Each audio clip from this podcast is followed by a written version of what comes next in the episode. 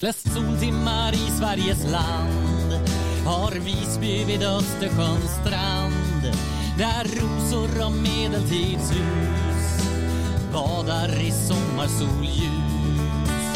En gång om året så tar det folkvalda väskan och far till stan där man har rest en mur mot dem utanför, politiker är. Det självklart att du är där. I en vecka och smörjer ditt krås på våran bekostnad förstås. Och alla trängs i en hord. Runt om Niklas Svenssons bord. Där alla ses buga i takt. Det kallas för väljarkontakt. Så låt oss skåla för demokratin gratis snittar och vin. porlande syrligt och svalt som någon annan betalt. Om du är en PR-konsult då får du jobba för fullt. Men det är ett tacksamt kneg för du reser för kundernas deg. Man måste synas, alla är där. Det är värt varje krona, jag svär. Att sedan ingen alls kom till seminariet bryr sig ingen om. Så låt oss skåla för demokratin och gratis snittar och vin. Åland är syrligt och svalt som någon annan betalt. Är du med i ett ungdomsförbund så sliter du Delar ut flygblad för att sen till slut få göra sexualdebut. På ett liggunderlag på ett golv ihopklämd med kanske våld. Andra som gör samma sak. Tur att det är högt i tak. Så låt oss skåla för demokratin och gratis snittar och vin. Strålande syrligt och svalt som någon annan betalt. Och om du är journalist ackrediterad, ja, visst Presskonferens en gång om dagen och sen kan du röja på stan.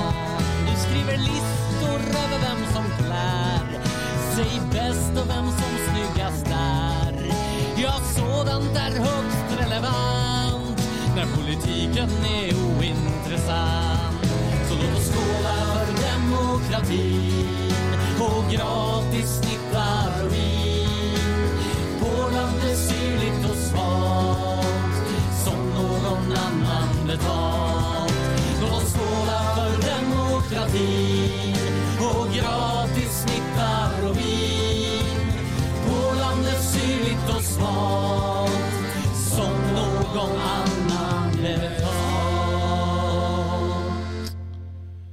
God förmiddag Sverige och välkomna till ett annorlunda Dagens Svegot. eh, På flera sätt.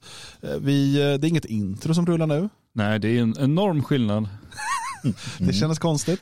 Ja. Eh, Man är och vi slängd sände tio minuter så. tidigare. Ja, hopplöst. Hopplöst. Ja, Inget av det märker folk som tittar efterhand. Eller ja, de märker att det inte kommer någon låt då. Musik Ja. i förväg. Eh, Men vi är väldigt glada att ha med er som är i chatten ändå. Vi, det var ju så att igår kväll så kom det ut information om att ehm, ja, Kristerssons lag, som de väl har kallats, eh, de ska hålla en gemensam presskonferens vid tio tiden. Det var lite olika uppgifter om det. Eh, och då kände vi att eh, det där måste vi ju titta på och live-kommentera i sändning. Och jag kan ju tycka att det är lite, alltså att de håller på och lägger mitt under vår sändning. Ja. Men jag förstår ju liksom, det, det, det, är ju, det har ju varit den här konflikten länge mellan oss. Och, Ja, de gillar inte konkurrensen, Varför så du är sådär det. för? Men jag är förvånansvärt uppsluppen. Jag blev det här för några minuter sedan. Okej. Det dök upp en, det, någon sån här skärm, det stod så här att eh, Kristersson säger SDs migrationspolitik på ett juridiskt hållbart sätt. Och så var det någon som skrev det här kan bli liksom en stor jävla förändring. Och då vart jag så här glad och tänkte fan vad kul. Vad, så, vad spännande det blev plötsligt. Från att ha varit så här lite surmulen som jag ofta är. Så vart jag så här det här kan ju vara början på något jävla coolt liksom. Eller hur? Ja, men det kan vara jättestort. Alltså, det här är historia som, som skrivs framför våra ögon. Eller tvärtom. Nej, Ja, hur den är så är det ju så. Ja. låt oss börja där då. Eh, Vad tror ni vi kommer få höra idag? På själva presskonferensen, Mm. jag tror inte vi kommer få höra enormt mycket utan jag tror att de kommer säga att eh, vi är överens och eh, nu kommer snart herr Kristersson knata iväg till herr talman och eh, säga att eh, nu tar jag över det här rodret. Eh, det tänker jag att de kommer säga. Inte så mycket mer. De kommer säga att eh, Liberalerna och Kristdemokraterna och Moderaterna kommer sitta i regeringen. Sverigedemokraterna kommer säga att vi är nöjda med det.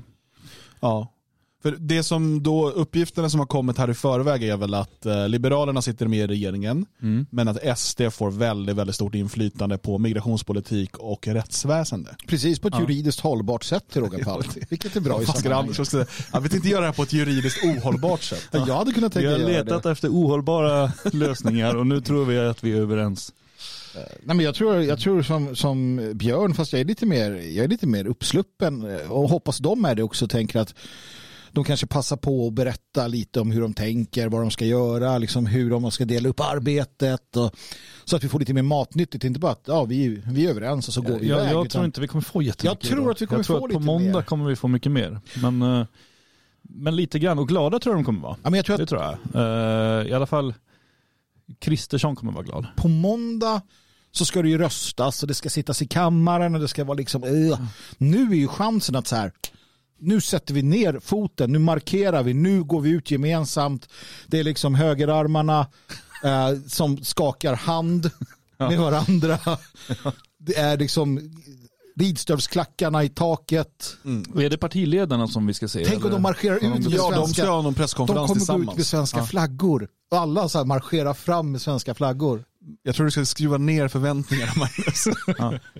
Eh, Men jag tror att absolut SD måste ju passa på nu att förklara varför låter de Liberalerna sitta i regeringen. Alltså SD måste ju nu sälja in, om Ja, de gör det under presskonferensen eller direkt efteråt. Men någonting måste de ju ha förberett för att så här, kolla vi är vinnarna här. Ja, och även Liberalerna måste ju inför sina kamrater i Europa visa att eh, nu är de ju med här och Sverigedemokraterna är det inte.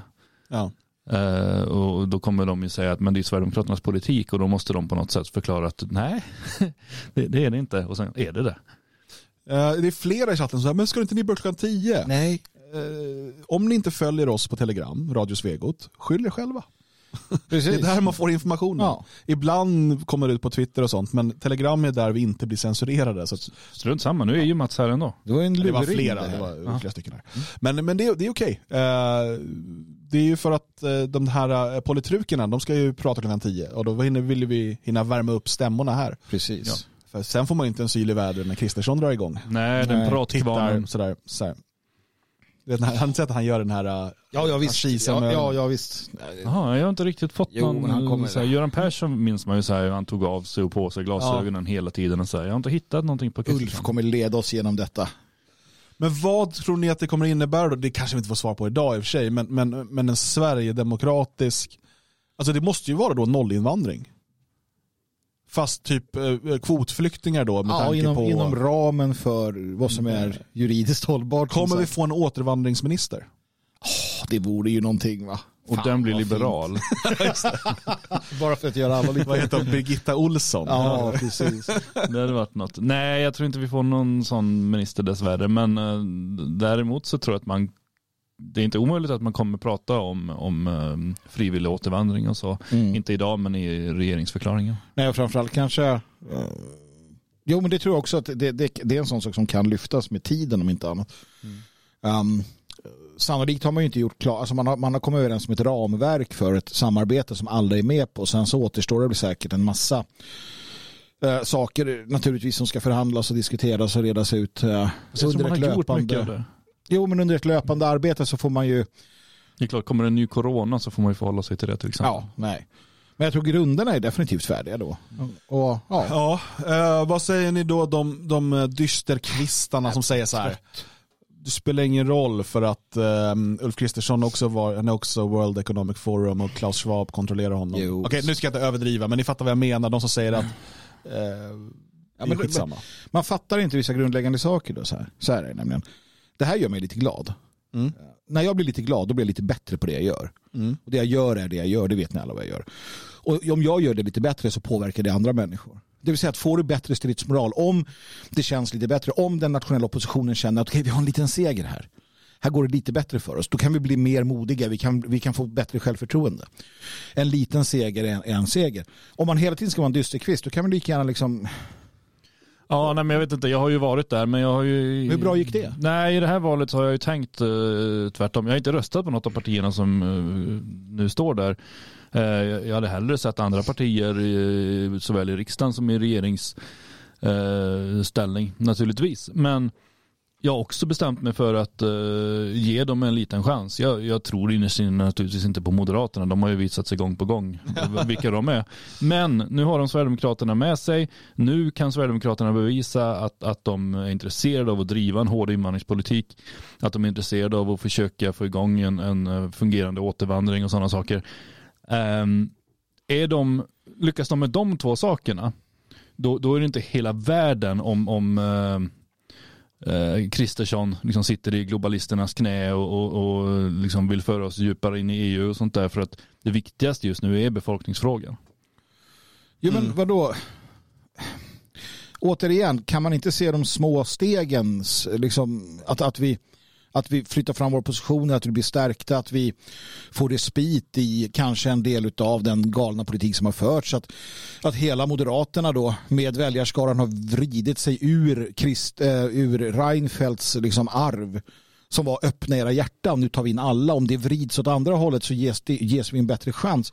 Sen är det ju vår uppgift och er uppgift, kära lyssnare och tittare, att fortsätta vara en opposition, att fortsätta eh, företräda svenskarnas intressen. Vi kan ju inte sätta oss på arslet och låta de här sköta det. Det är klart de inte kan. De är oduglingar som alla andra politiker. Mm. Men, men de ger oss kanske en möjlighet. Och framför allt det psykiska, folkpsykologiska vinsten av att vinna lite grann. Titta hur ledsna och arga vänstern är. Ja, bara det är ju, de har ju förlorat känner de.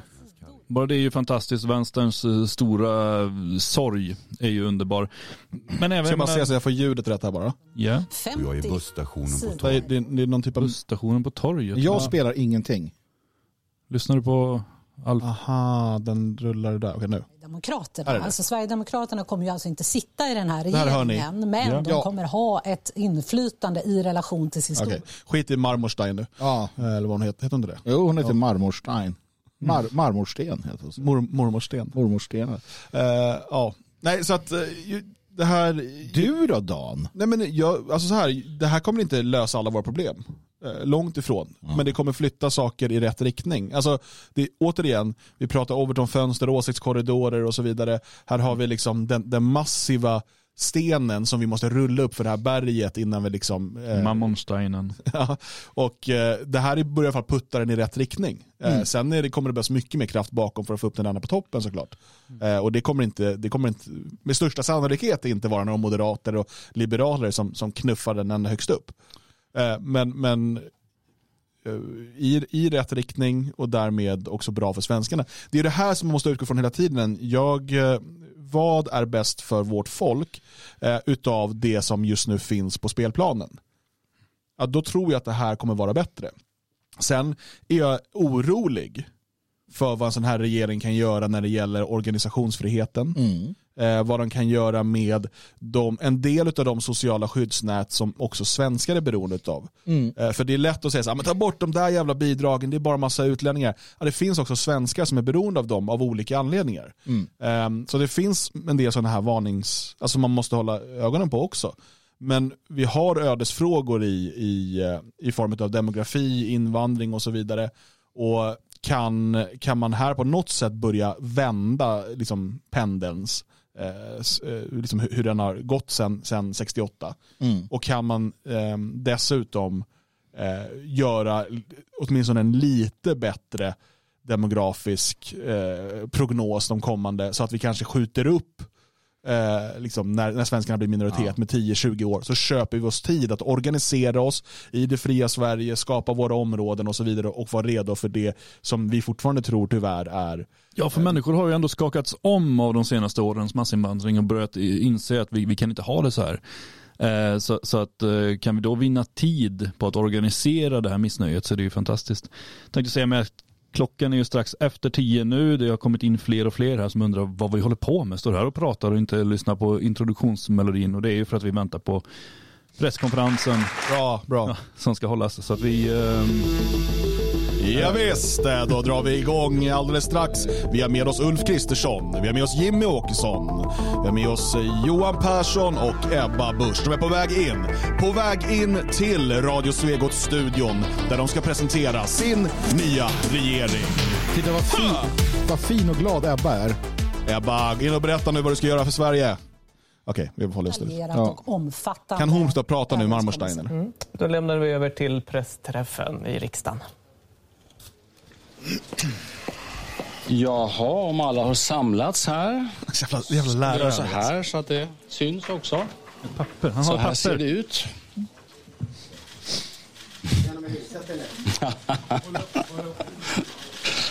Om någon säger ställ dig upp till mig så blir jag arg. Fantastisk humor av vår nya statsminister. Okej. Okay. Häll dig. Hörni, välkomna hit Tack. allihop. Um,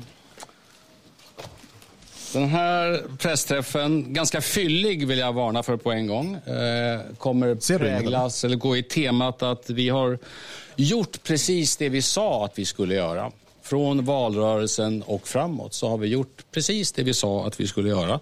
Det gäller även det jag sa i onsdags, uh, att vi var i princip helt klara, men det var några saker kvar. Och det gäller nu också, det vill säga vi har gjort det vi skulle göra och vi är färdiga.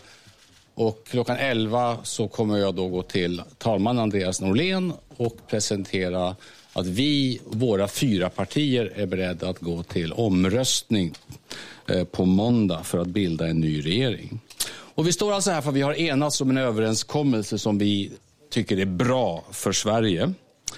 Eh, den tar sin utgångspunkt i att Sverige har allvarliga problem, flera parallella kriser som måste lösas samtidigt.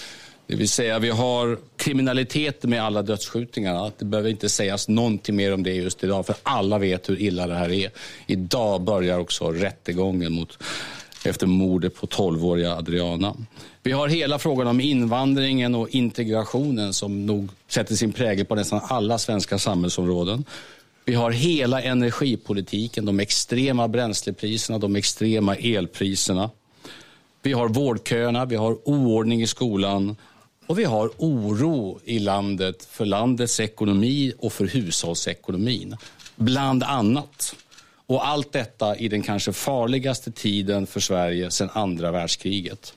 Med Rysslands invasion av Ukraina, med en pågående upprustning av det svenska försvaret och ett pågående arbete med att ansluta Sverige och Finland till Nato.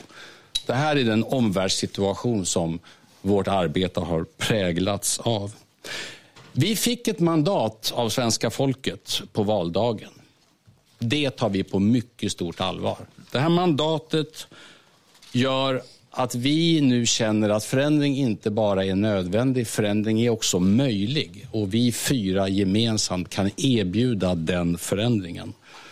Jag vill samtidigt säga att vi är mycket ödmjuka inför den här uppgiften. Inför att problemen är så stora på så många områden samtidigt att det här kommer ta tid. Den som tror att man enkelt löser så stora frågor har naturligtvis helt fel. Vi är medvetna om detta. Vi pratar om ett arbete som spänner över en, två, tre mandatperioder om vi på allvar ska lösa det som under så lång tid har blivit så fel i Sverige.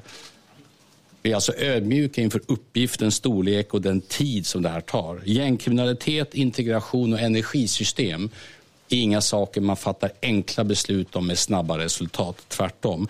Just därför måste man ha bråttom och vara beslutsam i steget. Att det tar tid är ett skäl att fatta beslut nu. Men vi är också ödmjuka inför en annan sak och det är att vi inser och vi förstår att alla svenskar röstar inte på något av våra fyra partier. Vi har fått ett mandat, vi kommer ta det mandatet, vi kommer ta det på allvar. Men vi har också respekt för att det finns mycket oro i vårt land just nu. Oro över kriget naturligtvis. Oro över ekonomin, den egna ekonomin och landets ekonomi. Oro över splittringen i politiken och det hårda tonläget. Allt detta finns det en oro för i Sverige. Vi förstår den, vi har respekt för den. vi vill samla, vi vill inte splittra. Vi vill ena, Lite vi vill tidigt. inte dela. Jo, men... Vi vill samarbeta med andra partier där det vore möjligt. Och vi vill respektfullt tycka olika och säga som det, där det är nödvändigt. Vi tror att det behövs en ny anda i svensk politik. Det är bra. Så till våra förhandlingar. Det har alltså varit förhandlingar om saker som jag har nämnt för er någon gång förut. Det vill säga den politiska inriktningen för en helt ny regering och en ny riksdagsmajoritet. Och det är sju samarbetsprojekt och ett budgetsamarbete. Jag kommer tillbaka till dem alldeles strax. Det har handlat om regeringens sammansättning och regeringens samarbetsformer. Och det har handlat om de parlamentariska frågorna som vi redan har löst ut, inte minst här och i kammaren de senaste veckorna. Tänkte trots att det i grund och botten handlar om politik ändå börja där ni är mest nyfikna. Det kommer att bli en trepartiregering bestående av Moderaterna, Kristdemokraterna och Liberalerna. Den regeringen kommer samarbeta nära med Sverigedemokraterna i riksdagen. Sverigedemokraterna kommer att ha ett eget samordningskansli med politiska tjänstemän i regeringskansliet. ja. Det, det blir sju stycken samarbetsprojekt som alldeles strax kommer att presenteras här. De kommer att handla om kriminalitet och migration och integration. De kommer att handla om energi och klimat och sjukvård. De kommer att handla om skola och stärkta fri och rättigheter. De kommer att handla om budget och den ekonomiska politiken. Jag tänkte vi skulle börja Fakt, vi kommer tillbaka. Vi börjar med dig, Jimmy Åkesson. Tack för det, Ulf. Eh, vi har ju varit tydliga egentligen hela tiden med hur vi förhåller oss till regeringsfrågan och till det här samarbetet där vi har slagit fast en sak. Det är politiken måste få stå i centrum. Vi hade gärna sett en majoritetsregering lite där vi hade ingått. När vi nu får en regering där vi inte ingår så är det oerhört viktigt för oss att vi får ett omfattande sakpolitisk överenskommelse där vi som största parti i den här konstellationen har fått dels ett betydande genomslag sakpolitiskt å ena sidan. Å andra sidan så har vi också fått samarbetsformer som ger oss både nödvändig insyn, eh, möjlighet för oss att bevaka våra väljares intressen. Men vi ska leverera framförallt politiskt och särskilt på de områden som våra väljare tycker är extra viktiga. Och där är kriminalpolitiken ett sådant område. Vi har egentligen fyra partier gått till val på att sätta tryggheten i centrum. Nu får vi också långtgående reformer för ökad trygghet. Mönsterbrytande åtgärder där vi gör i princip allt det som vi faktiskt lovade i valrörelsen. Dubbla straff för gängkriminella, visitationszoner, skärpta straff, avskaffade rabatter och reformerade rabatter, anonyma vittnen, vistelseförbud, utökad kamerabevakning med mera. Fokus på gäng, fokus på unga brottslingar och ett ökat föräldraansvar. Kriminalvården expanderas kraftigt. Vi öppnar för att hyra anstaltsplatser i andra länder. Återfall i brott ska straffas hårdare. Tullen ges brottsbekämpande uppgifter och vi kriminaliserar utförsel av stöldgods. Vi stärker det straffrättsliga skyddet för poliser och vi utreder ett nationellt tiggeriförbud.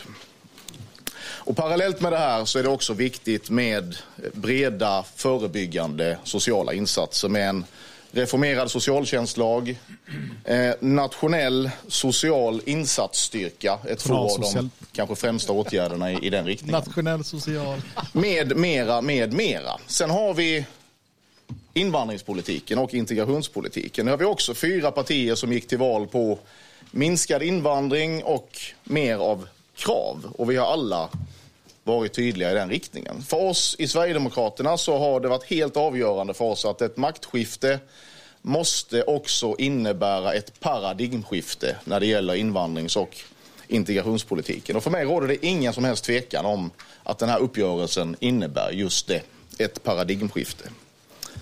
Eh, när vi pratar om den asylrelaterade invandringen så har vi framförallt haft två ganska avgörande utgångspunkter. Den ena utgångspunkten är att asylrätten ska upprätthållas. Den andra utgångspunkten har varit att Sveriges regelverk inte ska vara mer generöst än vad EU-rätten kräver av oss.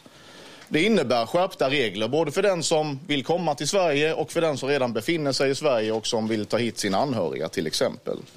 Det handlar om den sökandes skyldighet att kunna styrka sin identitet. Det handlar om begränsade rättigheter i asylprocessen. Det, vi vill se en utredning kring hur asylsökande själva kan bära en större del av kostnaderna för mottagandet. Asylrelaterade uppehållstillstånd skall vara tidsbegränsade. Det innebär att vi mönstrar ut det här institutet med permanenta uppehållstillstånd. Vi ställer högre krav för medborgarskap, kraftigt skärpta krav. Krav på vandel, krav på egen försörjning, längre vistelsetid i Sverige och så vidare. Eh, vi vill också se en, en utredning med uppdrag att ytterligare skärpa regelverket kring utvisning på grund av brott och utvisning på grund av bristande vandel. Vi ser över incitamenten för frivillig återvandring med ett särskilt fokus på de som inte har integrerats. Vi utökar arbetet, stärker möjligheterna för inre utlänningskontroller och ett mer effektivt verkställighetsarbete. Antalet kvotflyktingar minskas från förra årets 6 400 ungefär till 900 per år under mandatperioden. När det gäller arbetskraftsinvandringen så är vi överens om eh, att höja det så kallade lönegolvet. Det kommer då att höjas till motsvarande medianlönen. Och det handlar ju om att förhindra fortsatt tillflöde av lågkvalificerad arbetskraft som har väldigt låga löner. En storskalig nationell folkräkning ska förberedas. En utredning ska föreslå en modell för kvalificering till välfärden för den som inte är medborgare. Syftet med det är att minska den typen av tilldragningsfaktorer som beror på bidrag, välfärd och andra förmåner. Mm. Med mera, med mera. Så långt kriminalpolitiken och invandringspolitiken. Och jag lämnar ordet till Ebba. Tack Jimmy. Så. Tack så mycket för det Jimmy. Och, eh, de senaste åtta åren så har viktiga delar av folkhemmet tillåtits förfalla. Ehm, vi har sett en utveckling där lekplatser har blivit brottsplatser. Vi får väl kommentera allt efter va? Vi måste ja, vi lyssna på hela prestationen. Höga elpriser som man inte har råd med. Alldeles för många sjuka patienter får inte vård i tid. Det här är resultatet mycket utav politisk passivitet. Den epoken får nu sitt slut. Och därför är jag stolt över att stå här som kristdemokrat tillsammans med tre andra partier som är redo att göra jobbet, redo att göra det som, som krävs. Sverige har svåra problem, stora problem, men svåra problem löser man bäst tillsammans. Och det gäller inte minst hälso och sjukvårdsområdet. Vi har nu 215 000 patienter som väntat olagligt länge på att få den vård de behöver. Vi bad om ett mandat att genomföra århundradets vårdreform för att försöka få ordning på en av de viktigaste delarna av välfärden. Det mandatet har vi fått och det kommer vi nu också att leverera på. Vi är eniga om att utreda för och nackdelar samt föreslå hur ett delvis eller helt statligt huvudmannaskap för vården ska gå till. Det innebär att vi kommer under den här mandatperioden ha vid handen en karta för hur det skulle kunna gå till. Och parallellt med detta så kommer vi idag ta de första stegen för ett nationellt ledarskap för vården i hela landet i ett antal omfattande reformer. Det handlar bland annat om en nationell vårdförmedling i statlig regi där ja, som ger oss förutsättningar att helt enkelt samla och använda vårdens resurser på bästa möjliga sätt. Där var man bor någonstans i landet inte avgör eh, om man har möjlighet att ta del av den tillgängliga vården som finns oavsett var den finns. Det handlar om en nationell digital infrastruktur i hela vårdkedjan. Eh, återigen, oavsett var i landet man söker vård någonstans så ska man både som patient men också då som vårdpersonal kunna ta fram nödvändig information ur journalsystemen. Det handlar om nationella planer för kompetensförsörjning för vår vårdpersonal för att öka antalet vårdplatser och inte minst en nationell plan för förlossningsvården. Och som en viktig del av århundradets vårdreform så kommer vi att göra en kraftig utbyggnad av primärvården, alltså den nära vården. Det handlar till exempel om eh, fler husläkarmottagningar på mindre orter men eh, inte minst utökad tillgänglighet vad gäller tider. Vi kommer också stärka cancervården, barn och ungdoms... Mycket vänstertårar på Twitter nu kan jag säga. Och det kommer att det, det är riktigt bra. Uh... Jämställdheten och jämställd vård, bland annat genom forskning rörande just kvinnors hälsa och sjukdomar. Eh, och vi kommer att eh, fullfölja ett eh, av flera partiers viktiga vallöften som handlar om tandvården och behovet av att utreda ett högkostnadsskydd. Det är viktigt för många svenskar, yes. men inte minst eh, många av landets äldre. Bra, bra, bra. Ska vi klara klimatomställningen? då? Men bara för svenskar. När vi ändå är till den. Exakt. Eh, Sverige ska klara klimatomställningen. Vi ska uppfylla vår del av Parisavtalet. Men vi ska göra det utan att slå sönder svenska företag och svenska familjers ekonomi. Eh, då är målet framåt elektrifiering och vägen dit stavas kärnkraft. Därför återför vi Sverige till den kärnkraftsvänliga energipolitik som historiskt gett oss Europas renaste och billigaste el. Vi gör detta genom två spår och vi gör det parallellt. Det första handlar om då att förändra inriktningen för eh, övergripande energipolitiken och eh, de, eh, därmed också då de långsiktiga villkoren för kärnkraften. Det innebär att vi ändrar det energipolitiska målet till ett tydligt mål om 100% fossilfritt. Samtidigt så kommer vi att ge Vattenfall i uppdrag att påbörja planering och upphandling av ny kärnkraft. Nya reaktorer yes. kommer att byggas i Sverige. Och inom EU så kommer vi att driva på för ett snabbspår för typgodkännande eh, och typgodkända reaktorer. Samtidigt så behöver vi agera här och nu vad gäller energikrisen. Vattenkrafts, eh, eh, vattenkraftens omprövning pausas. Avfallsförbränningsskatt och CO2-skatt på kraftvärmeproduktion kommer att ses över.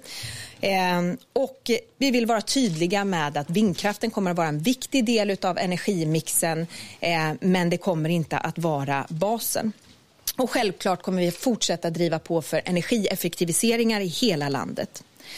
Så till högkostnadsskyddet som så många svenskar undrar över. Det här har varit ett viktigt vallöfte för alla våra partier. Självklart kommer vi att leverera på detta. Men den nu sittande regeringen har alltså gett i uppdrag till Svenska kraftnät eh, att återkomma med underlag på hur detta ska kunna gå till den 15 november. Det är den sittande regeringen som har lagt den grundtidplanen. Och vi kan inte agera förrän vi har tillträtt. Men när vi väl har tillträtt så kommer vi att agera omedelbart eh, och göra allt vi kan för att påskynda den processen.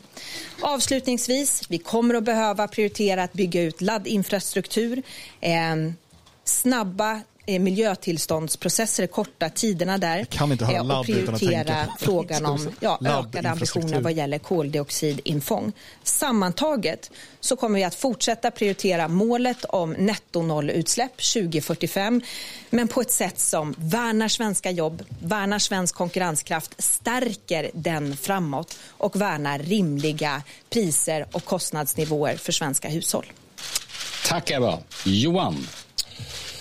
Ja, hörni, eh, det mesta börjar ju faktiskt i skolan.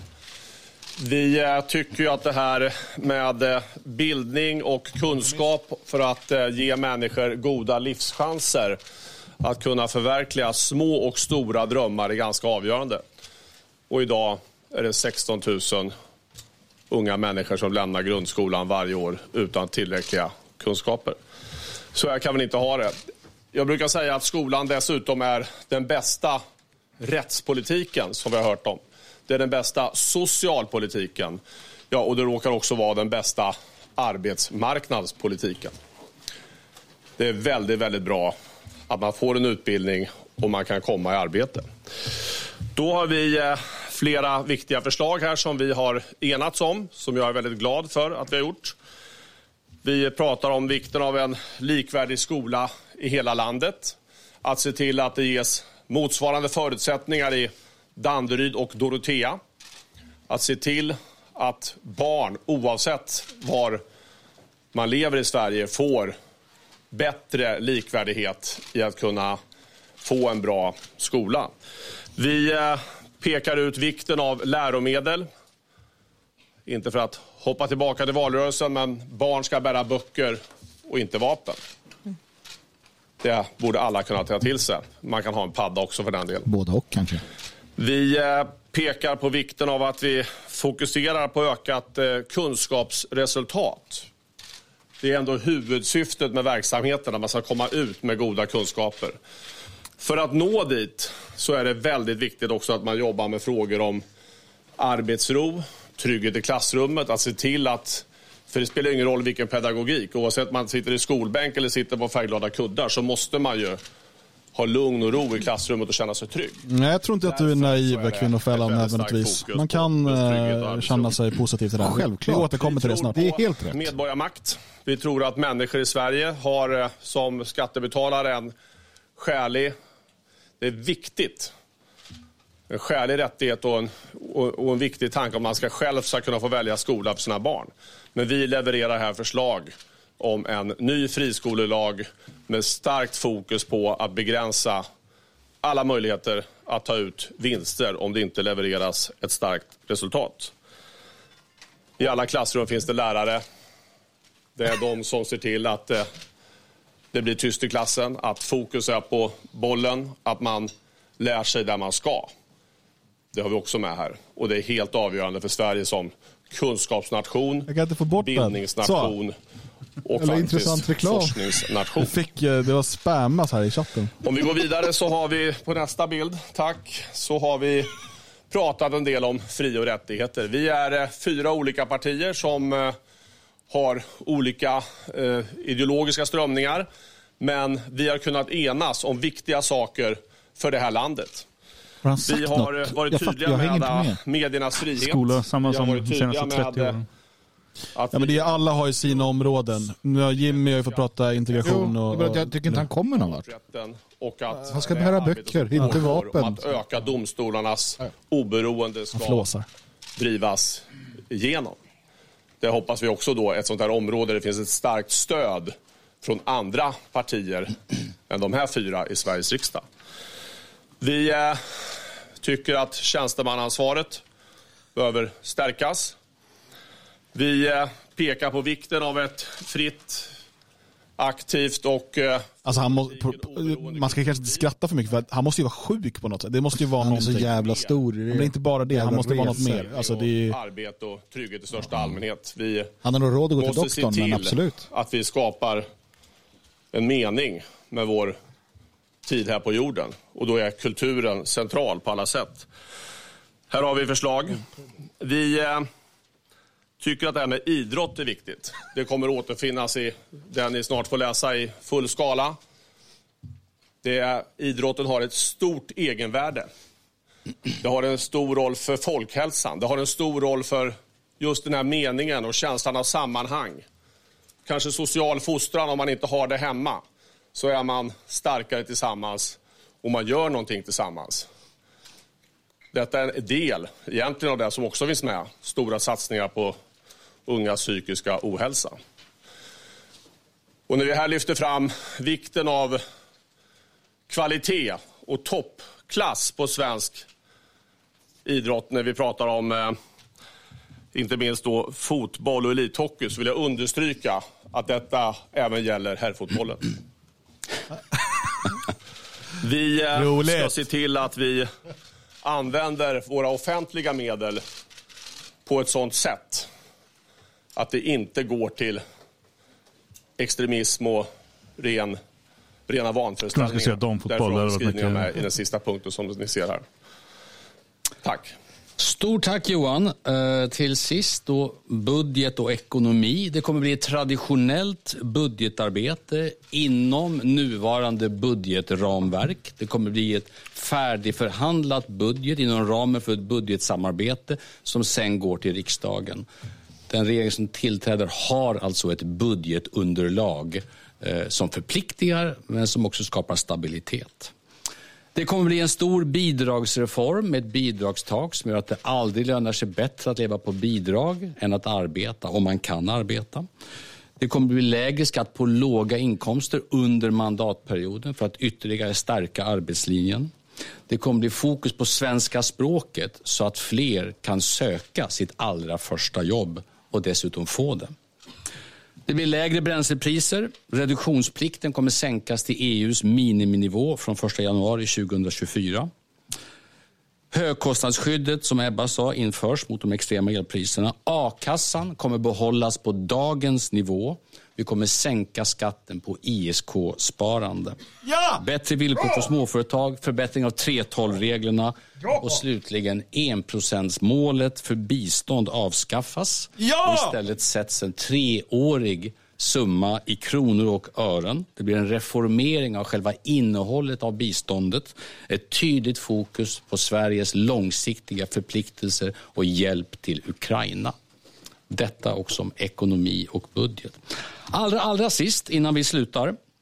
Vi ser verkligen fram emot det här samarbetet, vi fyra. Verkligen. Vi är otroligt entusiastiska inför detta. Det här är inte ett januariavtal.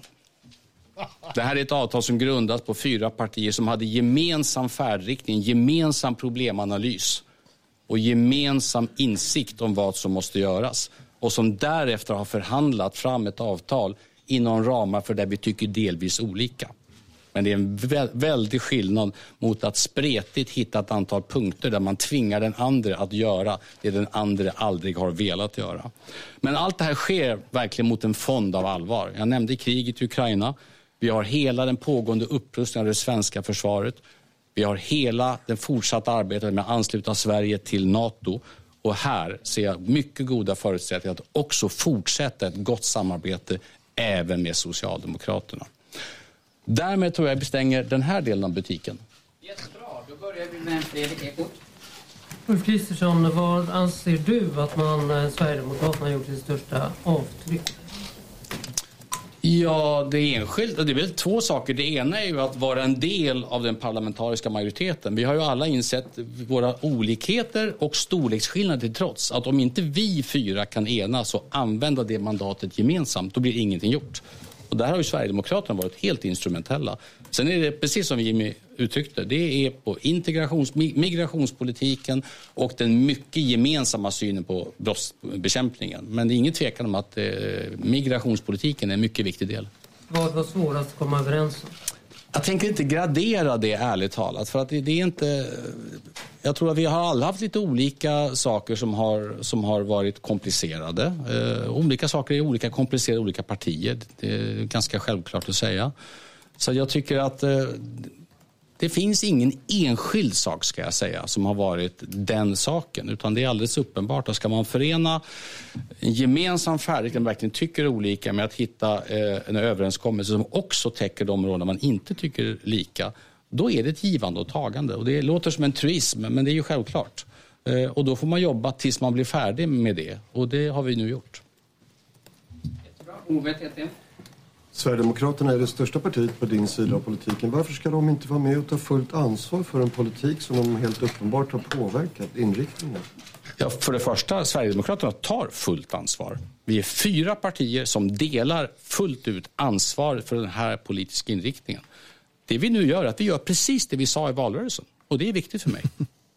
Precis det vi sa. Det ska man inte göra. Jag sa i valrörelsen att vi har inte gjort. samarbetat i regeringsställning förut. Jag sa i valrörelsen att jag vill bilda en regering med, eh, med borgerliga partier som samarbetar respektfullt med Sverigedemokraterna och det är exakt det som vi nu gör. Men nu får de väl möjlighet att ta åt sig äran av det som är bra och opposition ja, i riksdagen. på, goda, på goda grunder tar man åt sig äran av allt det som går bra och på goda grunder är man också en del av ansvaret för det som blir komplicerat. Alldeles riktigt. Sen kan du förklara den principiella skillnaden mellan januariavtalet och oktoberavtalet? Är det inte kompromisser på båda, båda Ja, men jag skulle nog säga att nu har vi ju ägnat ganska mycket möda åt att förhandla om sådana saker som var nödvändiga för att få en helhet med den grundläggande gemensamma övertygelsen om att i de stora frågorna har vi gemensam färdriktning. Det tycker jag är en otroligt viktig skillnad. Men det räcker inte att vara överens om energipolitiken, om migrationspolitiken, om brottsbekämpningen och många andra saker. Man måste också bli överens om andra saker som gör att alla partier tycker att den här helheten är bra nog. Januariavtalet var ett slags utpressningsavtal. Ni får regera om vi får tvinga er att göra saker som ni alltid har hatat att göra. Helt utan gemensam målbild. Att ordet gängkriminalitet inte ens nämndes i januariavtalet antyder ju att de saknade en gemensam problemanalys och en gemensam färdriktning. Jag säger inte detta för att säga att det blir enkelt det här. Det är komplicerat. Vi har åtta partier i Sveriges riksdag. Inget parti är längre helt dominerande som vi har varit i Sverige under efterkrigstiden i svensk politik. Det här kommer bli svårt. Men att man delar värderingar i de stora och viktiga frågorna, det är en väldigt bra grund att stå på. En sista fråga bara till Johan Persson. Du framhöll i valrörelsen att ni var garanten för Johan en liberal politik i den här regeringen. På vilket sätt har ni gjort ett avtryck som är liberalt när det gäller asyl och migrationspolitiken? Vi ser till att vi värnar internationella konventioner och asylrätten. Vi eh, ser till att vi har en stark framåtlutad arbetskraftsinvandring. Eh, men detta, denna del innehåller sött och salt. Det är korrekt. Men för oss har det varit viktigt att se till att det här är någonting vi kan bära ut i världen också och visa att vi, människor som har rätt till asyl, de får också en möjlighet till en fristad i Sverige.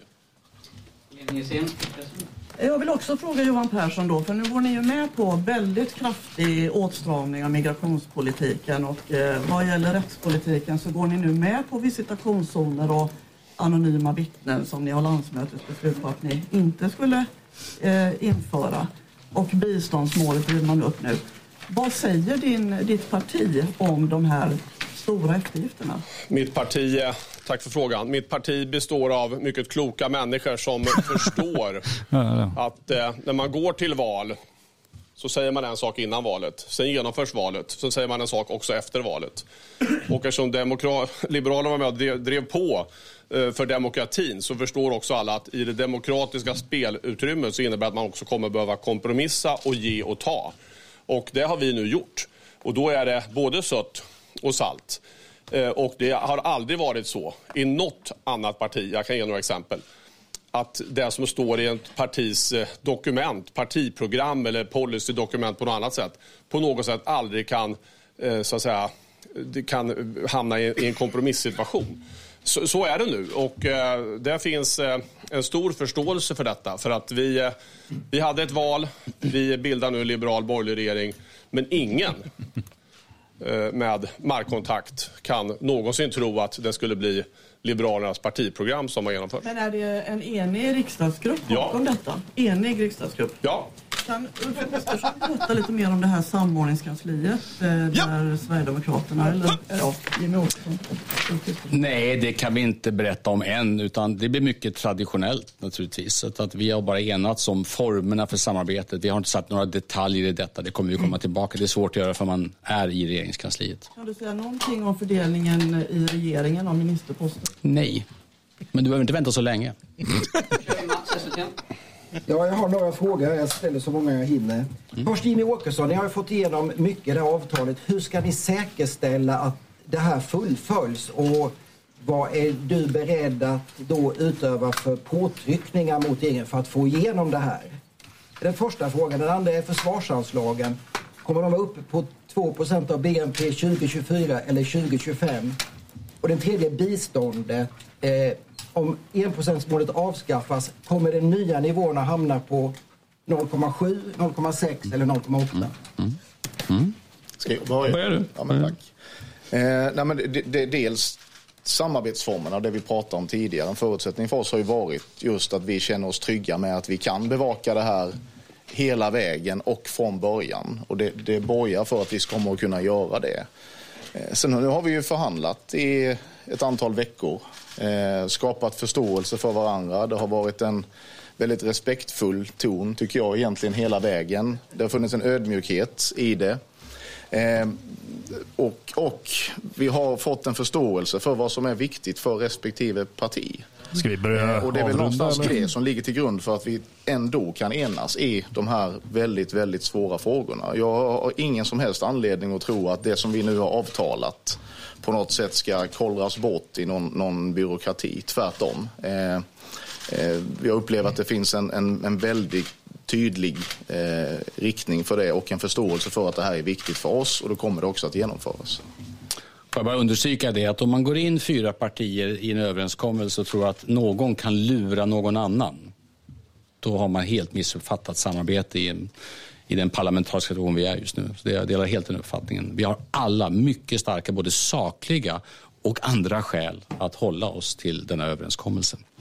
Biståndet först. Eh, vi tar alltså, vi, Sverige förblir en av världens eh, främsta biståndsländer. Nu med tydligare fokus på eh, vårt närområde av förfärliga skäl, Ukraina. Så vi förblir ett mycket stort biståndsland och det ska göra nytta det biståndet. Men vi tar alltså bort den här fixeringen vid ett enprocentsmål och sätter inget nytt mål. Sen kan var och en i varje år räkna ut naturligtvis vad summan blir dividerat med BNI så får man en siffra. Men siffran kommer inte längre ha någon betydelse för oss. Men målet måste ju vara att ta ner nivån. Vi kommer, ja, just det, det kommer minskas. Det kommer, ja, precis. ja, ni, kommer titt, ni kommer få se det när vi lägger fram vår samlade budget. Men du har helt rätt, det var inte det att vi kommer alltså öka det till något annat över en procent. Det var korrekt uppfattat. Utan det blir ett minskat bistånd. Men fortfarande eh, ett, ett ovanligt stort eh, biståndsland. Eh, när det gäller försvarsutgifterna, även de kommer preciseras i budgeten naturligtvis. Eh, 2024 har nog inget parti tror jag haft som mål. 2025 har, har flera av våra partier diskuterat och nu kommer vi också invänta överbefälhavarens eh, slutliga beskrivning av deras tillväxtmöjligheter. Och då kommer det preciseras. Men vi har bråttom, det ligger helt fast. Vi har bråttom att nå upp till ett mål som gör att NATO är övertygade om att vi lever upp till den paragraf som stadgar att man kan försvara sig själv. Inte heller här är siffran en fixering för oss, utan vi bara använder NATOs standard för att bevisa att vi som andra NATO-länder är måna om att kunna försvara oss själva för att förvänta oss hjälp från andra att försvara Sverige. Men jag har ju tidigare sagt att det, eh, det här går att genomföra till 2025. Vad är det som har tillkommit som... Ja, ska vi ta och eh, försöka komma med någon typ av eh, analys av det som vi har hört här. Mm. och Ja, var ska vi börja någonstans? Var det något, det var inget som direkt överraskade va? På det sättet, eller?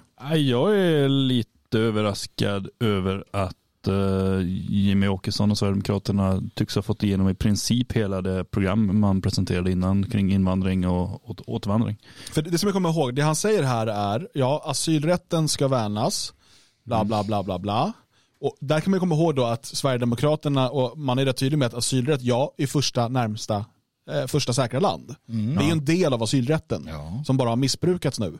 Att säga att det är så här, ja, man pratar ju om ukrainare till exempel, de har gjort ett undantag med EUs massflyktsdirektiv. Mm. Men annars, absolut, är det krig i Finland och Danmark så ska asylrätten värnas. Häng inte upp er för mycket på den, för jag såg att några i chatten, nej, ta bort asylrätten. Nej, men den ska användas på rätt sätt. Kommer du från Danmark, Finland, Norge och vi är första säkra land, då ska vi kunna söka asyl i Sverige. Alltså generellt sett, asylrätten är ju en trevlig eh, idé. Ja, men, men, men den, är, den, är ska, den är eh, författad för en annan tid ja. och den eh, används inte på rätt sätt. Ja. Det är det ena. Det andra är då det här med EUs, eh, vad EU-rätten kräver. Mm. Och det publicerade Sverigedemokraterna ett dokument där man gick igenom det. Eh, och det där blev dessutom... Um, ett jävla liv. Ja, och vi satt och gick igenom det och, och liksom pratade ja. om det. Det är i stort sett nollinvandring. Mm. Eller så här, noll probleminvandring. Ja, precis. Det finns ju liksom arbetskraftsinvandring och lite annat sånt där som, som eh, då.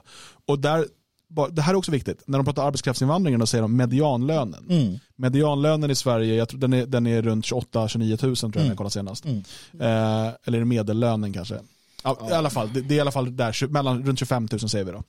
Eh, det betyder ju att alla de här som, som får komma som eh, arbetskraftsinvandrare och stå liksom antingen konkurrera ner priserna, alltså lönerna för svenskar, mm. eller bara du vet, anställs på kusinens pizzeria eh, på en jävla låtsaslön. Mm. Liksom. Det kommer inte gå längre. Eh, högre an alltså det är massa sådana här saker. Jag håller med. Jag är överraskad, ja till viss del, men, men det här var ju också det, ska Sverigedemokraterna släppa fram den här regeringen så, så är det sådana här saker de måste få igenom. Jo, men jag tänkte lite av det. Det här verkar ju vara i princip hela det programmet de presenterade och som alla de tre andra partiledarna stod innan valet och sa att det här kan vi verkligen inte ställa oss bakom. Det, det här och, och, journalisterna skrek om hur hemskt det var och, och partiledarna höll med. Ja, men det, det, var innan de blev valda och läste ordentligt. Ja, men jag var ju uppsluppen innan och jag kan ju bara konstatera att jag tror inte att vi hade kunnat få det bättre eh, Eh, utifrån de omständigheter som vi de facto har att förhålla oss till än vad vi fick nu. Jag är, jag är positiv till, om jag, om jag frångår liksom vad de säger, positiv till hur man rör sig, hur man beter sig, hur man, hur man, vad man utstrålar. Alltså de, de liksom, hur de här partiledarna står bredvid varandra. Alltså allt det här som är kring detta, hur de pratar, hur de... Det, det, alltså det, det, det, känns, det känns bra helt enkelt. Alltså det känns som att det finns en, en, en stabilitet ändå. Mm. Jag tyckte inte att det fanns... Ja, det, Johan Persson är väldigt obekväm men jag vet inte om det är i det att allting är så nytt för han eller vad det kan vara. Liksom. Men, men det har ju alla Samtidigt förutsättningar. Samtidigt är han ju den som har varit politiker längst av alla där. Så att... Jo, men i Örebro eller? Har han suttit någon? Han har suttit i riksdagen. Han har suttit i riksdagen också. Nästan, ja, massa år i alla fall. Ja. Så, ja, men nej, inte det, på det här sättet. Nej, nej, så är det definitivt. Och det, jag, jag tyckte det var intressant också att de delade upp så tydligt. Så att det, det känns ju ganska uppenbart att Liberalerna kommer få skolminister mm. ja. och de kommer få ehm, kultur, kultur och idrott mm. som de inte tycks dela upp heller då och återigen blir det en kulturminister som verkar skita i idrotten mm. för att ja, vi tycker idrott också är intressant. Så ja.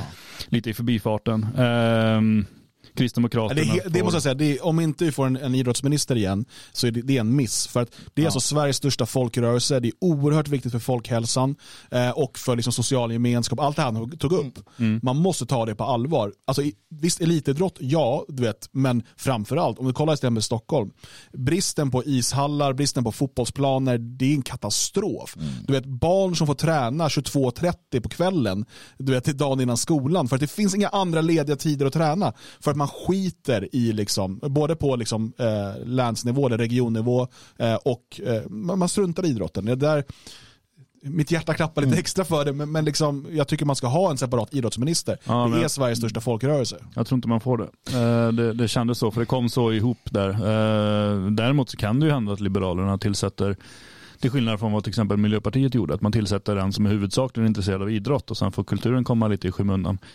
Det återstår ju att se, men, men ehm, jag, jag, tror att vi kommer få se, så jag, jag känner på mig att, jag menar, Jim Åkesson pratar om paradigmskifte, jag tror att vi kommer få se en stor omställning generellt på, på det politiska livet i Sverige. Jag tror att det här är början på någonting väldigt intressant.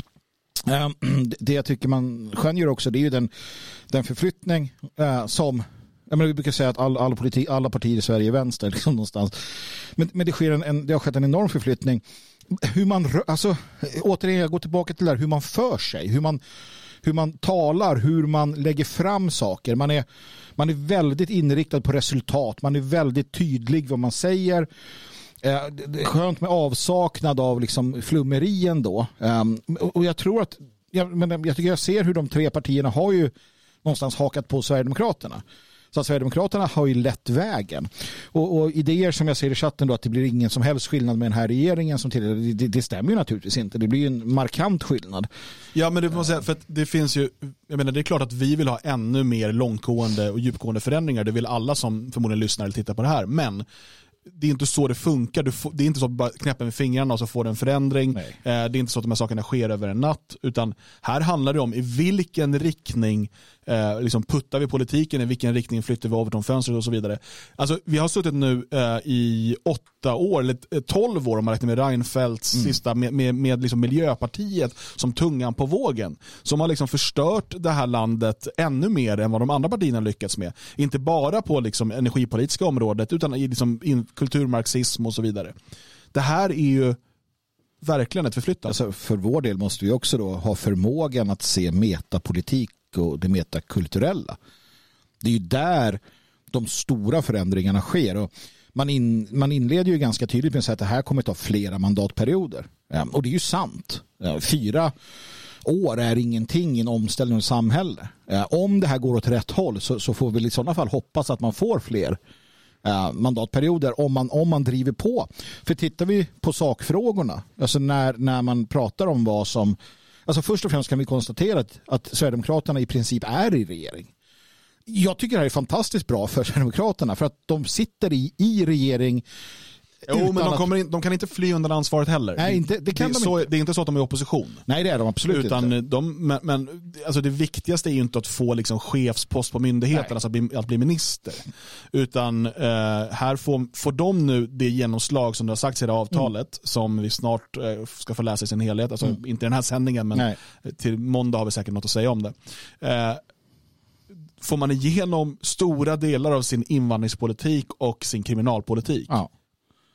Då, eh, det är det som de är valda för. De är inte, de är inte, det är inte folk som går och väljer dem för deras skolpolitik eller, eller, liksom sådär, eller socialpolitik ens. Eh, det är marginellt att folk säger jo, men, eh, Sverigedemokraterna vill ha högkostnadsskydd i tandvården, men det vill Vänsterpartiet också. Utan då är det ju för att man vill ha ordning på invandringen och få stopp på kriminaliteten. Men märk väl att ett parti som kallades nazistiskt bara några dagar innan valet av motståndarpolitiker förvisso, men som i, i princip av en samlad pissmedia eh, mobb fortfarande alltså, kallas nazistiskt sitter i, i, i allt väsentligt i regering. Så alltså, den metapolitiska effekten av detta den kan inte ens vi förstå. Nej, nej jag måste säga att det, det, är stora förändringar som pågår just nu och det här kan bli väldigt intressant de kommande åren.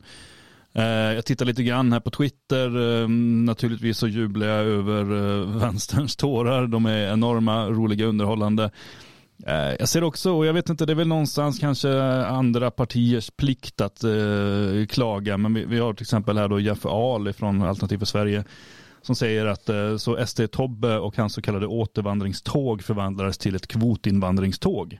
Så där återigen hänger inte retorik och sakpolitik ihop jag vill väl, ja, jag förstår naturligtvis vad han säger och det är klart att man alltid vill ha hårdare regler. Men i det sammanhang de har hamnat i så har de ju ändå fått igenom väldigt, väldigt mycket. De har ju, alltså Sverigedemokraterna har väl eh, runt 40 procent av väljarstödet i den gruppen som nu har vunnit. Eh, de har inte majoritet i riksdagsgruppen, eller i, i regeringsgruppen, vilket gör att de måste ju anpassa lite grann.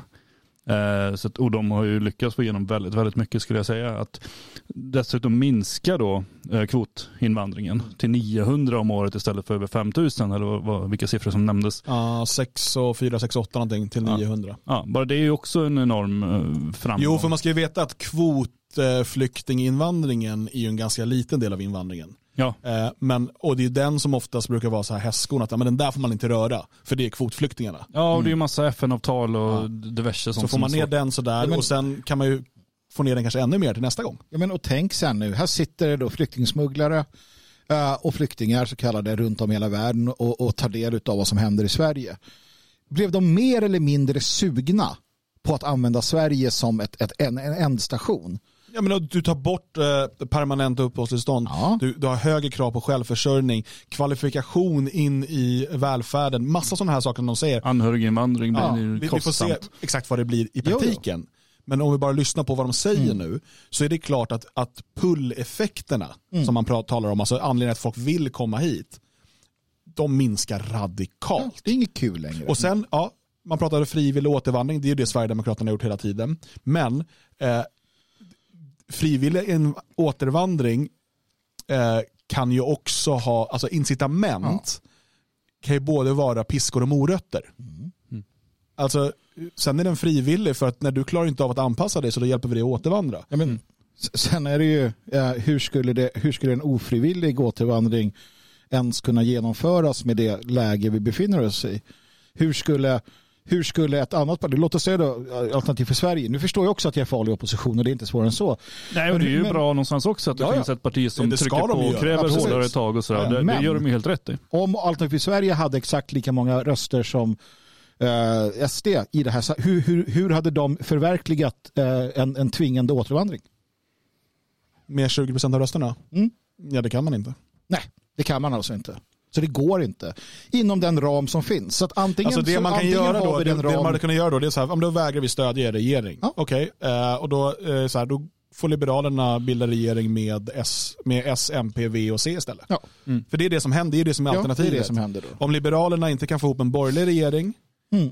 de är ju vågmästare här. De är vågmästare. Ja. Då får de gå till det andra blocket. Ja. Och, sen så, och då har vi fortsatt massinvandring istället. Så med mindre än 51% av rösterna eller en revolution som, som helt sätter allt på ända och att man med vapenmakt lyckas på något sätt då? Liberalerna har ju enorma bekymmer också. Det måste man ju komma ihåg. Oj. De var ju väldigt uträknade för inte så länge sedan. Och problemet var ju att de förra gången ställde sig på sossarnas sida, vilket gjorde att de tappade enormt mycket. Sen så vände de, när de bytte partiledare, så vände de sakta men säkert och sen så vände de eller ja, stenhårt då att nu är vi på borgarnas sida. Vilket gjorde att de de hade kvar också lämnade. Vad ska ni ha med Sverigedemokraterna att göra nu? Så först sagt de som inte vill ha med sossar att göra, sen de som inte vill ha med SD att göra.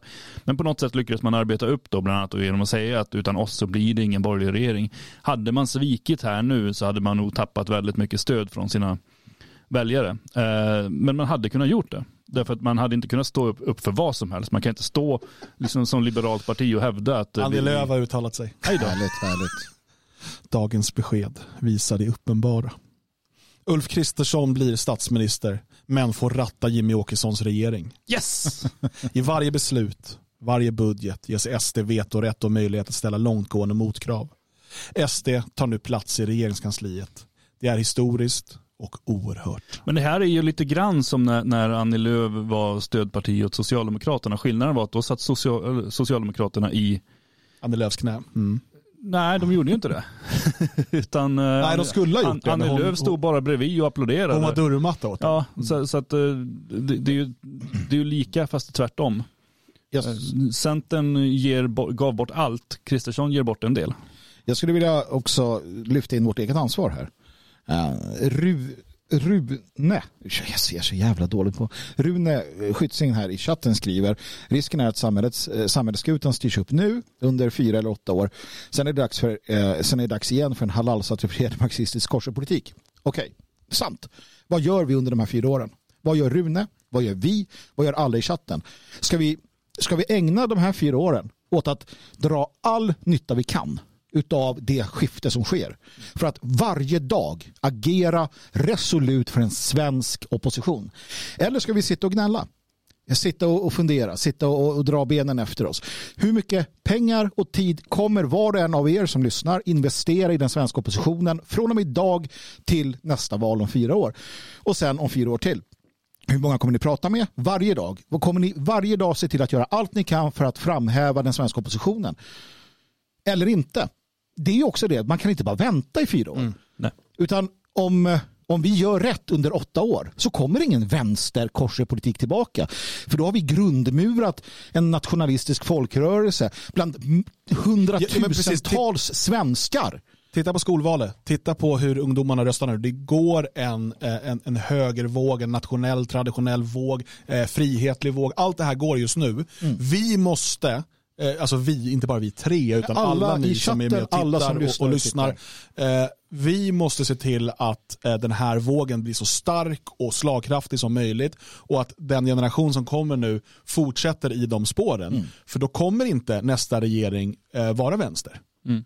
Eh, Nej och dessutom skulle det bli, för det är ju inte, sånt händer ju emellanåt även om att folk tröttnar på den nuvarande regeringen och därför börjar rösta åt andra håll och sådär. Men är det så att det drivs fram en, en, en, en, folklig idé om det svenska folket, bara att det existerar till att börja med, och mm. sen att det är värt att bevara och så vidare, så kommer ju även partierna på andra sidan att anpassa sig efter det. Och då spelar det ingen jätteroll utifrån befolkningsperspektiv om det är en vänster eller högerregering, eh, så länge man har som grundidé att det svenska folket är värt att bevara. Och jag tror att skiftet är alltså på en civilisatorisk nivå det som har hänt under de senaste decennierna, alltså det här med höger, vänster, den klassiska synen som vi har och äldre människor också har, den har ju helt förändrats. Det är en ny värld. Eh, och med tanke på det säkerhetsläget som, som man pratar om då i Europa med, med krig och det som finns och så vidare. Så det är en helt annan värld som växer fram. Att, att i dessa tider kunna stå upp för en svenskhet en, en, och, och att, att, att, kunna ha en svensk opposition som på alla sätt och vis eh, eminerar ut och ner. Det tror jag är definitivt möjligt om vi, om vi gör rätt gör rätt och gör allt vi kan. Um, vi ska ju inte vi ska inte luta oss tillbaka och säga att okej okay, nu fick vi det här, nu ska de sköta det. Utan det är ju att vi aktiverar oss år ut och år in. Det är mm. där det, det, handlar. I små grupper, i sitt samhälle, i sin bostadsförening eh, och låta det här sak, sakta sippra, sippra ner och sippra in och bli en del av oss. Vi ska marineras i det blågula, eh, det blågula som växer fram.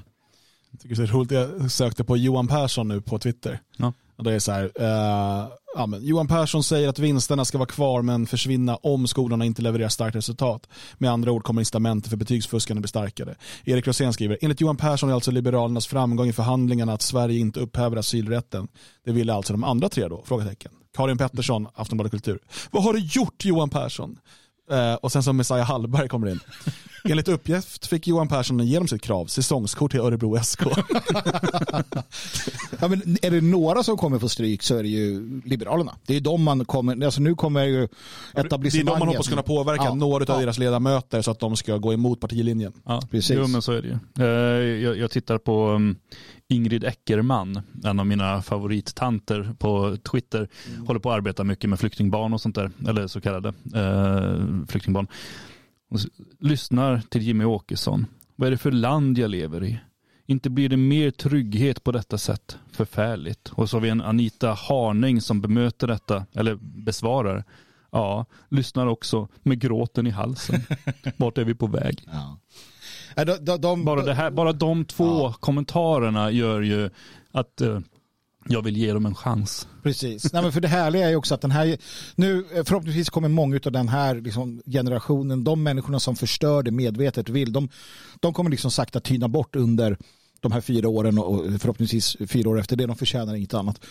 Uh, saken är att de har då i åtta år stått för en, en, en politik som har ökat skjutningarna, ökat liksom polariseringen, ökat hatet, ökat gängen, ökat vapnen, ökat knarket, ökat allt. Mm. Så sitter de nu av mage, det här kommer inte ändra något. För att i deras värld så har det mer av deras ändrat något, fast det alltid har gått sämre. Mm. De lever i en annan värld, de här människorna är livsfarliga. Eftersom att de de slår huvudet i väggen och fortsätter göra det och tror att det ska bli ett annat resultat. Någon jag skulle vilja se just nu uh, uttala sig, eller det är Fredrik Reinfeldt. Den lilla djävulen, satans svinet. Få se honom uppleva hur hans parti nu ska driva igenom Sverigedemokraternas politik. Han som tog in Miljöpartiet i samarbete med regeringen för att straffa väljarna för att de hade röstat in Sverigedemokraterna, för att öka massinvandringen till Sverige. Det lilla aset undrar hur han mår nu. Hoppas han mår riktigt, riktigt dåligt. Även den revanschkänslan gör att uh, jag är så glad idag. Jag tror också att en sån som Ulf Adelsson är rätt glad idag. Han är nog glad. Han är glad. Mm. Uh, hyfsat i alla fall. Men sen, alltså, sakpolitiskt, uh, det här med kärnkraften är intressant. Det kommer ta många år naturligtvis. Men jag såg vissa reagerade negativt. de pratar om klimat och el. Ja, men jag, är, jag kan bara säga jag är för elektrifiering. Jag vill elektrifiera hela samhället. Fan vad kul det skulle vara. Bort med det Elektriska fossila. stolar. Absolut. Nej, men jag, jag, älskar, jag älskar elbilar och hela... Har du jag, jag har helt ändå, ja, jag eltandborste, hela grejen. Det, är mindre jag, energipåverkan än borsta själv. Jag har, liksom, jag har inga problem med att man, att man elektrifierar. Jag har inga som helst problem med att vi blir fossilfria. Det är jättebra. Har du dieseltandborste? För att uh, i, i, längden så är ju det ändå vägen fram. För det är en ändlig resurs. Kopplat till det vi kan skapa är ju en, en, eh, en, en resurs som faktiskt är oändlig inom någon i någon mån och det är ju elektricitet, bland annat via kärnkraft. Jag tycker det är jättebra. Det, det man står för här som gör mig positiv det är att man fortsätter ändå elektrifiera men man ska göra det på ett ansvarsfullt sätt och det är det som är det vettiga. Det är ju ingen som är emot. Alltså, saken är att det finns många saker i det här. Emot, vi får liksom. se, vi kommer få hålla dem till deras ord och se vad de levererar och så vidare. Men det, jag, det vi ser här, Jimmy Åkesson sa det här är ett paradigmskifte mm. i invandringspolitiken. Jag skulle säga att det, det som vi hörde här idag, om den här regeringen kan leverera på det, på allvar, då är det vi gör nu det är att vi städar ut 68 vänsterns jävla skelett som ligger över hela jävla eh, riksdagen. Mm. Ja, så, Förlåt för svordomarna men jag, jag, blir så exalterad över att rensa ut de där skeletten. Um, och uh, För att det finns knappt någonting kvar av det då.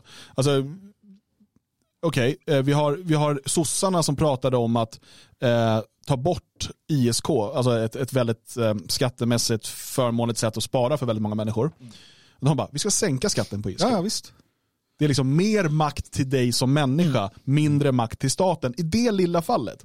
Sen är ju vi, eller jag i alla fall, jag kan inte svara för er, men jag tror att ni håller med mig. Eh, jag är ju väldigt skeptisk till alla de här typerna av polisstats eh, Absolut, saker. det där är Men jag förstår mm. också i det här läget, ja. för det är ju så att vi har en vision om, om ett, ett drömsamhälle som vi skulle vilja se det. Men det kräver ju först att vi gör upp med det samhälle vi, har, eh, det vi lever i idag. Mm. Och i det samhälle vi lever i idag så har vi oerhörda problem med liksom kriminella klaner och gäng, eh, skjutningar, droghandel eh, och, och liksom laglösa områden. Mm.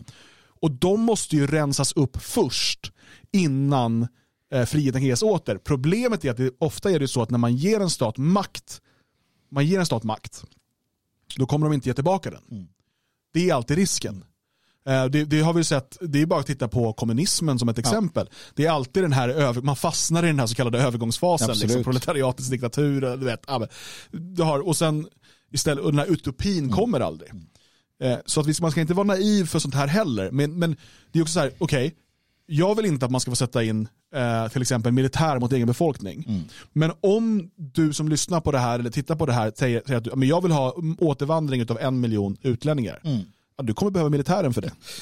Jo, precis. Så är det ju definitivt. Men det vi måste vara på vår vakt emot, eller ja, inte bara vi utan alla människor, det är ju hur de nu kommer använda det här vilka lagar kommer de eh, instifta, vilka säger de liksom ska vara för alltid och vilka är tillfälliga. Eh, alltså sådana utegångsförbudsidéer, så hindra människor från att röra sig fritt. Kommer man använda eller börja tala om eh, förbud mot medlemskap i kriminella organisationer. Vilka kommer ingå där? Kommer nationalistiska grupper ingå? Kommer alltså politiska yttringsgrupper, kommer de ingå i, i, i den typen av benämning? Mm. Allt sånt där måste man vara på sin vakt emot. Ehm, man pratar gärna om ehm, att Sverige måste in i NATO och sådana saker. Vad mer vill man alltså göra i, i ehm, samarbete internationellt? Kommer man eh, ta ifrån oss mer egeninflytande och ge bort det till eh, andra överstatliga projekt? Allt sånt där är ju, är ju, finns det ju anledning att vara orolig för. Det där kommer och det är det, det, det du säger kommer ske. Och då vet vi det. Så att vi kan ju förbereda oss nu. Alla ni som lyssnar, nu vet ni det. Det här kommer ske. De kommer agera så. Eh, för det sa de i princip. Och vi vet vad SD vill. Och då är frågan hur gör vi? Och så får vi anpassa oss. Det är ju, det är ju bara att, att gilla läget och göra det bästa vi kan av situationen. Eh, och det är den förmågan man måste ha. Man kan inte, man kan inte bara kasta ut allt och säga att det är dåligt eller bara bra. Utan vi måste, vi måste kunna fungera utifrån de, de förutsättningar som ja, Vi lever fram, i den liksom. verklighet vi lever ja, i och visst, måste liksom förhålla oss till den, inte till någon drömvärld. Nej. Um, och, och, generellt sett så, jag menar återigen, titta på, titta på det metapolitiska. Um, så, och metakulturella så är jag helt säker på att det här är en det här, det här är, det här liksom, om vi gör rätt så kan det här vara en stor, stor vändning på väg mot någonting um, väldigt, väldigt intressant och fantastiskt. Det jag är nyfiken på i det här hela, det, det är ju vem kommer bli migrationsminister? Mm. Nu har vi fått hela avtalet. Jag utgår från att det kommer bli en moderat. nu ska vi läsa avtalet. 50 sidor. 50 sidor, det är lika bra att vi börjar på en gång. Vart har du det? Nej då. Uh, ska se, jag kan uh, ge er en länk. Jag ska bara se om vi kan hitta något snabbt som är intressant. Vi kommer uh. prata, i måndagens program kommer det handla om att prata om det här avtalet med största sannolikhet. Ja, det kommer precis. handla om att prata om det, sen kommer vi prata om det. Uh, det är ja. nog bäst om vi liksom kan läsa igenom det och liksom fundera kring sakerna istället för att bara sitta och läsa direkt ur. Men vi kan säga att det är runt 50 sidor. 63 eh, sidor till och med, 50 sa de. Ja, men det är runt 50. Eh, och där har de de olika Eh, kapitlen måste säga, heter då eh, överenskommelse för Sverige, det är en introduktion. Direktiv samarbetsprojekt hälso och sjukvården, direktiv samarbetsprojekt klimat och energi, sen har man kriminalitet, migration och integration, skolan, tillväxt och hushållsekonomi och andra samarbetsfrågor. Jag kan redan nu säga att begreppet helgseger förekommer ingenstans. Ah, Okej, okay, vi lägger ner. Jag såg att eh, det var en lärare som grät på Twitter om att ah. det var en elev som hade haft helgsegertröja på sig. Ah. ah. Bra. kan man köpa sådana någonstans? Gå in på svegot.se, tryck på merchandise, köp din helg segertröja.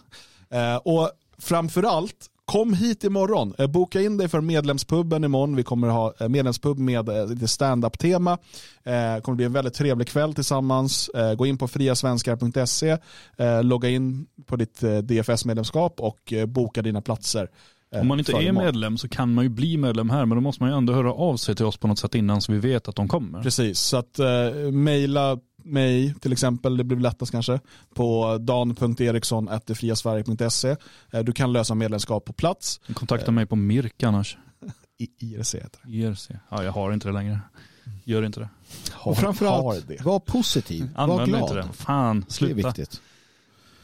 Nu jag, ser, det, jag, ser en del, jag ser en del som är fortfarande lite putt och sura. Jo, sluta vara det, sluta vara det. Var, Men det är också för att vi, vi, vi har ju, kraften. nationella har ju under lång tid odlat en mentalitet att alltid vara missnöjda. Jo, vi vet inte hur man vinner. Vi vet inte hur man gör. Så, det är klart att det finns massa saker som inte är perfekta. Va? Eh, såklart. Men, men eh, Typ Ulf Kristersson. Jämfört med vad vi har fått tidigare så är det här ju helt fantastiskt. Vi hade, vi hade valet mellan Ulf Jag försöker säga saker nu som Expo ska citera sen när de... Vi hade valet mellan Ulf eller uh, Maggan.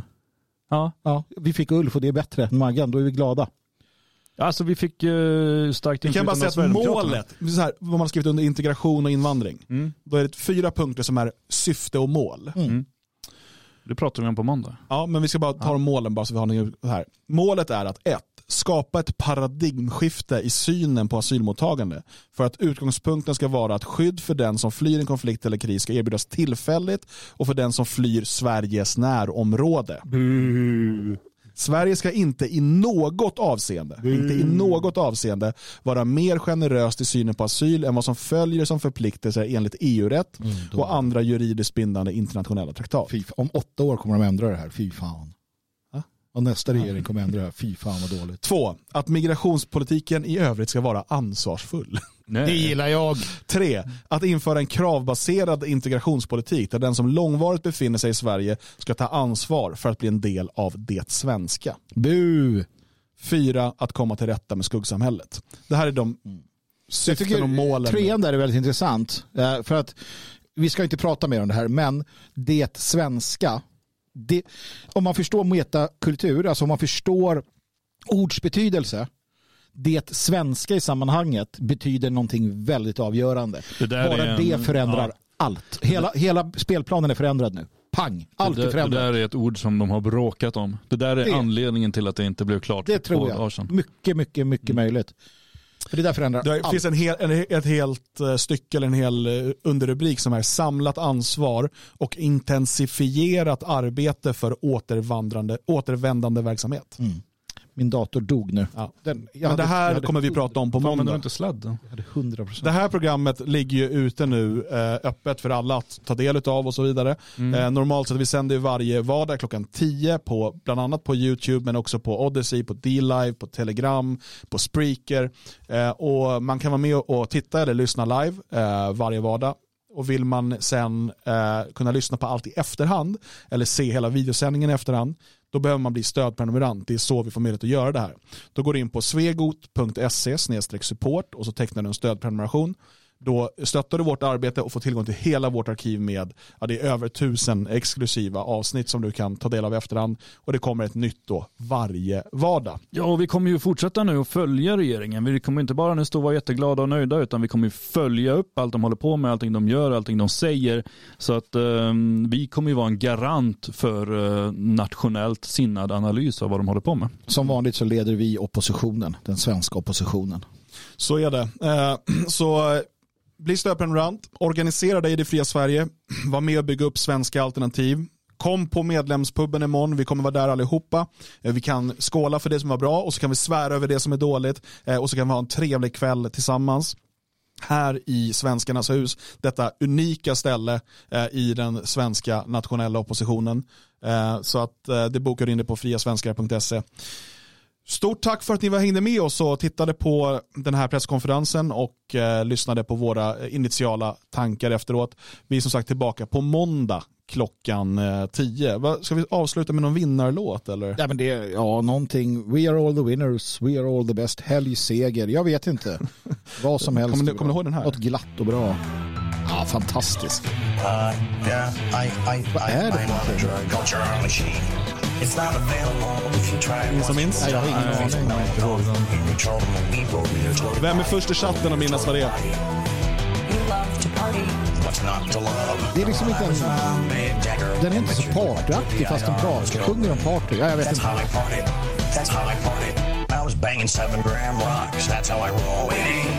One gear, go. Epic. Winning. Kommer ni inte ihåg det här? Nej, jag, aldrig hört. jag lyssnade nog på Thule på var, den tiden. Det var, nej, det var Charlie Sheen. Hans, det, Charlie Sheen? Ja, fast det är en intervju med honom så har de gjort. Ja. De har gjort musik och en intervju, jag förstår. Lyssna på SDs vallåt, den slog ju in. Vad hette den nu då? Jag kommer inte ihåg. Då slog den inte så bra då? Nej, inte den, med politiken. Uh, ska vi lyssna på ungdomsförbundets eller? Ja, ungdomsförbundets. Okej. Okay. Hörni, stort tack. Uh, vi hörs på måndag igen. Trevlig helg, helgseger. Hoppas vi syns imorgon i Svenskarnas hus. Alla frågor ingen verkar vilja svara. Efter regnet kommer sol igen. Våra Sverige som vi har och vill